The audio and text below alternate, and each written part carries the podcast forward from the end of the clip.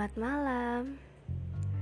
Sekarang pukul 10.39. Suasananya udah sepi.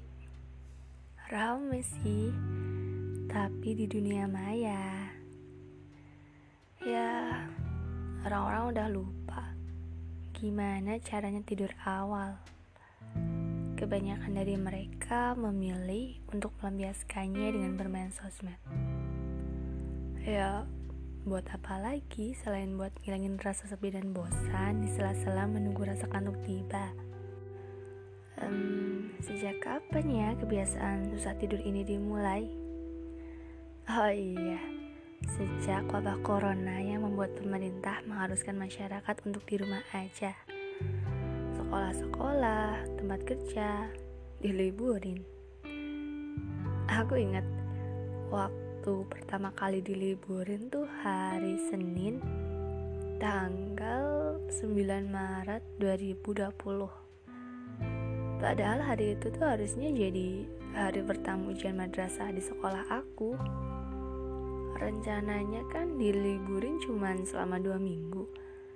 Tapi karena jumlah pasien yang terkena corona makin banyak jadi diperpanjang deh sampai sampai nggak tahu sampai kapan. Nah dari libur ini orang-orang jadi nggak punya aktivitas yang terlalu menguras tenaga di siang hari. Jadi mereka tuh bisa begadang di malam hari gitu loh.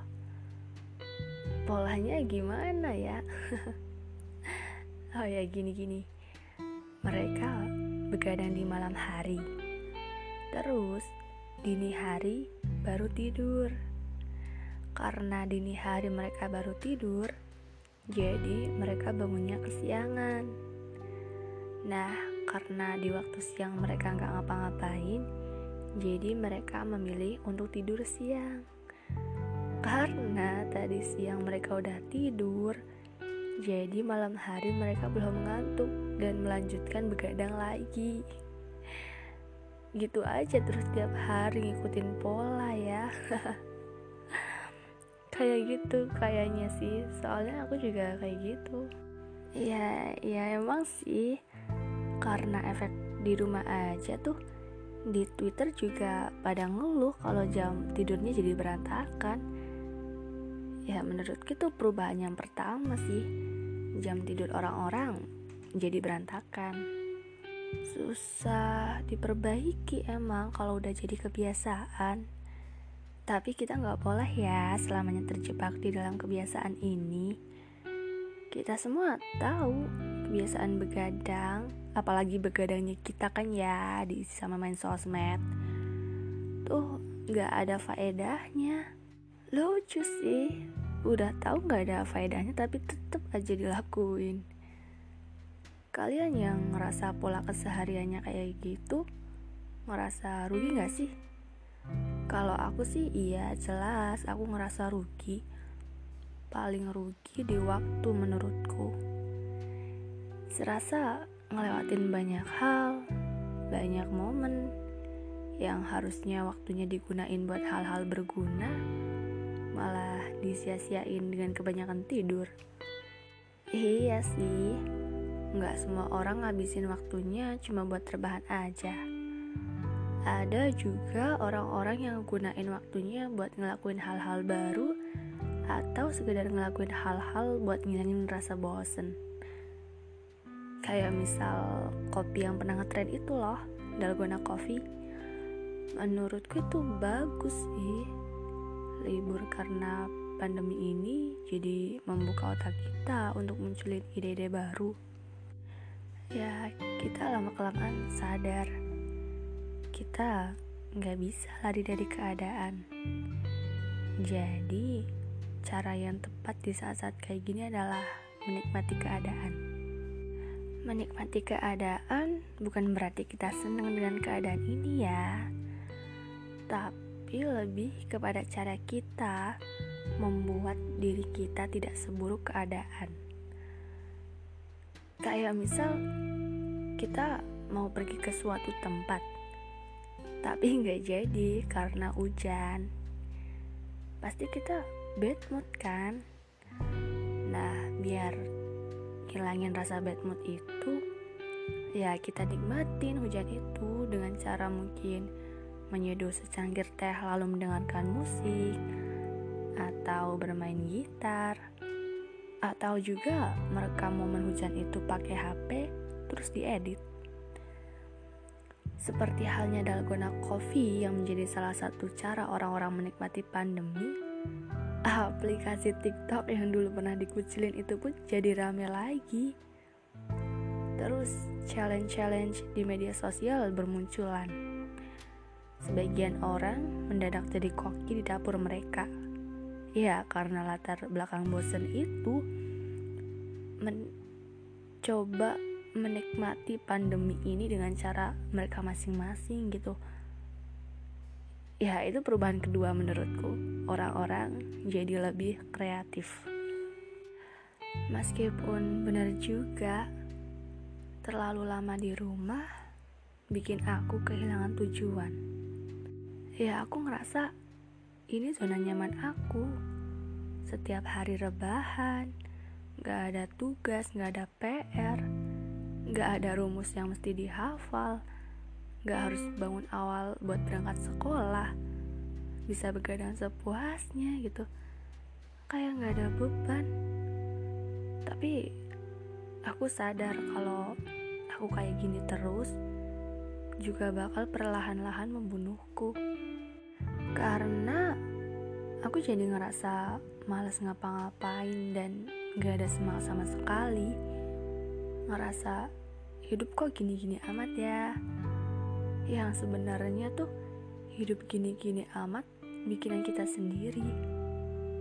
Coba aja lihat mereka yang mau berusaha sama kerja keras. Pasti nggak mikir tuh hidup kok gini-gini amat ya? Karena mereka punya tujuan mereka punya action dan mereka punya hasil dari action mereka. Jadi hidup mereka tuh gak sewarna aja. Bandingin sama hidup kita yang cuman tiap hari rebahan, nungguin dapat kabar baik. Padahal yang seharusnya adalah kita yang nyampein kabar baik ke orang-orang atas pencapaian kita, bukan nungguin kabar baiknya aja gitu. Tapi sayangnya kita tuh terlalu betah di zona nyaman sampai ngerasa semua ini monoton. Makanya suka ngeluh hidup kok gini-gini amat. Ya karena hidup cuma sewarna doang. Gimana mau nyiptain pelangi kalau warna merah, jingga, kuning, hijau, biru, nila, ungu aja kita nggak punya. Yang ada cuma putih, kalau nggak hitam. Udah. Kapan hidup ini indah kalau kerjaannya nungguin kabar terus? Ya, ini sih cuman self reminder aja. Ini tamparan keras buat aku juga. Supaya aku nggak cuman pinter ngomong doang, tapi juga mau ngelakuin perubahan gitu. Minimal perubahan baik buat diri sendiri. Habis itu ke orang lain meskipun lagi suasana sulit kayak gini. Buat yang ngerasa sama kayak apa yang aku rasain, Ayo dong, jangan gini terus. Kita nggak bisa terus-terusan terpuruk dalam keadaan yang menyebalkan ini. Ya, marilah kita cari cara agar kita bisa lewatin masa-masa sulit ini dengan tetap melakukan hal-hal baik. Karena ada banyak banget hal-hal baik yang bisa kita lakukan di saat-saat pandemi kayak gini. Bisa dimulai dari passion kita. Yang passionnya masak, gunain dapurmu dan berkreasilah. Yang passionnya entrepreneur, apa yang ada di sekitarmu, jadiin sesuatu yang berharga sekarang, terus jual. Yang passionnya seni, hei hei, skillmu ini tuh gak boleh dianggurin meskipun lagi keadaan kayak gini. Buka kameramu, lalu abadikan biarkan orang-orang tahu kamu punya skill di bidang seni. Dan yang punya passion lain akan selalu ada tempat di mana kalian bisa menyalurkan passion. Kalian cari tempatnya, kalian salurkan passionnya, dan lihat kalian bakal ngerasa lebih enakan. Jangan sampai kalian ngerasain keadaan kayak aku pas awal libur bulan Maret sampai bulan Mei kemarin. Cuman diisi sama tidur rebahan, makan, tiga bulan loh, bayangin. Gitu terus gimana nggak jenuh coba, gila nyesel banget. Padahal waktu TBK tuh bentar lagi, tapi aku selalu kayak ah nanti aja belajarnya. Ah nanti aja nanti aja nanti aja sampai kelewat nyaman sama rebahan sama main HP parah beneran deh. Bener-bener waktu kayak gak ada harganya sama sekali. Tapi untungnya pas awal-awal libur itu aku ngeberaniin diri buat ngecobain hal baru. Yaitu jadi online shop padahal sebelumnya aku tuh sama sekali nggak tahu dunia per all shopan tuh kayak gimana. Snap whatsapp temanku yang all shop aja aku bisukan. Ya soalnya males aja gitu ngelihat SW sampai titik-titik gitu kan. Nah ini malah aku cobain jadi all shop kan rasanya keluar dari kebiasaan gitu kan. Yang biasanya ilfil sendiri kalau spam snap malah jadi spam snap tiap hari tapi hal yang gak biasa itulah yang justru bikin hidup aku punya warna baru. Jadi gak semonoton sebelumnya gitu. Lalu waktu berjalan, aku mulai ngerasa bosen lagi, ngerasa monoton lagi. Aku terus mikir, aku butuh kebiasaan baru lagi, butuh warna baru lagi. Lalu setelah itu, di samping kebiasaan aku nge-all shop, aku mulai tuh mutusin buat nulis blog. Karena aku menyadari kalau passion aku juga ada di bidang nulis kan. Nah, itu tambah satu warna di hidup aku. Udah ngerasa mendingan nih, nggak terlalu monoton lagi. Lalu waktu berjalan lagi, kebiasaan nge-all shop sama nulis blog mulai bikin aku jenuh lagi nih. Parah. Dan akhirnya itu sekarang jadi semacam pola hidup aku. Ngelakuin suatu hal lalu jenuh lalu cobain hal baru jenuh lagi cobain hal baru lagi. Gitu aja terus nggak tahu mau sampai kapan ngulangin pola semacam ini dan kali ini aku mau cobain jadi podcaster karena aku suka punya cuap-cuap di pikiran terus mikir kenapa nggak dijadiin podcast aja? gitu. Aku nggak tahu blog aku podcast aku bakalan berguna apa nggak buat pendengar seperti kalian tapi seenggaknya aku udah mau nyoba sesuatu yang lebih baik dari sekedar rebahan, nonton TV, galau-galauan. Intinya aku gak pengen ngulangin lagi kebiasaan buruk aku selama Maret sampai Mei kemarin. Karena itu tuh bener-bener amat sangat disayangkan. Tuh, udah pakai kata bener-bener, pakai kata amat, pakai kata sangat nyesel banget aku sih. Nah itu perubahan yang keberapa ya karena pandemi? Kalian juga ngerasa ada perubahan gitu nggak? Jadi tipe orang yang berpikir buat ngubah keadaan gitu. Seseorang pernah bilang ke aku kalau bukan kesadaran manusia yang menentukan keadaan mereka tapi keadaan mereka lah yang menentukan kesadaran mereka. Iya, bener juga sih. Oke, skip. Perubahan apa lagi ya yang muncul karena adanya pandemi? Oh iya, sekarang kalau bepergian kayak ada yang kurang kalau nggak pakai masker. Awalnya risih emang, pengap gitu kan. Lama kelamaan malah risihnya kalau nggak pakai masker pakai masker jadi bukan karena takut corona lagi tapi karena udah jadi kebiasaan gitu. Kalau aku pakai masker biar nggak nampak aja sih. Selain masker hand sanitizer atau antiseptik juga udah masuk starter pack kalau bepergian. Ya kalau habis pegang apa kalau mau makan apa gitu langsung pakai hand sanitizer selalu siap sedia di tas atau di kantong. Ya ini masuk kebiasaan baik ya. Oke oke oke oke. Perubahan selanjutnya adalah orang-orang kini gemar bersepeda. Aku nggak tahu ini awalnya gimana kok sekarang pada berbondong-bondong beli sepeda. Sepeda emang diciptain buat mobilitas kan ya.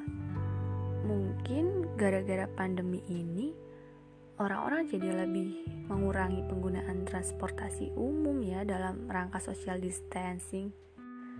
Tapi dengan maraknya tren bersepeda ini kayaknya fungsi sepeda sebagai transportasi alternatif untuk bepergian sepertinya masih kurang tepat sih. Soalnya aku ngeliat kebanyakan orang bersepeda hanya sekedar rekreasi dan olahraga aja apakah ini masuk penerapan gaya hidup sehat? Ya tentu. Malah bagus. Terus di luar itu? Bolehlah buat pansos tapi ingat tetap jaga attitude sama taat lalu lintas. Tolong jangan rusak citra pesepeda ya. Dan masih banyak lagi perubahan yang muncul karena pandemi ini. Dimulai dari cara kita berpikir, lalu bersikap. Aku gak bisa sebutin semuanya. Aku cuma mau pesen, jangan lagi sia-siain waktu yang udah Tuhan kasih baik sedang di keadaan menyenangkan atau sedang di keadaan menyebalkan sekalipun. Karena banyak orang mati pengen dikasih waktu lagi agar bisa memperbaiki hidupnya. Ya, kalau hari ini belum bisa ngelakuin hal baik, besok harus udah bisa. Besoknya lagi harus lebih bisa. Dan besoknya lagi harus sangat bisa. Oke, okay, setuju kan? Udah ngomong berapa menit nih? Um, 18 menit Gila Udah ngomong segini lama ternyata Ya semoga aja kalian gak bosen dengerinnya. Meskipun suaraku medok. Kata temenku gitu aku suaranya medok. Ya meskipun suaraku jelek Aku harap episode kali ini bisa bikin perubahan di hidup kalian. Minimal kalian dengerin podcastku sampai ketiduran aja nggak apa-apa deh aku udah seneng. Hmm, ngomong apa lagi ya? Udahlah udah malam. Mau tidur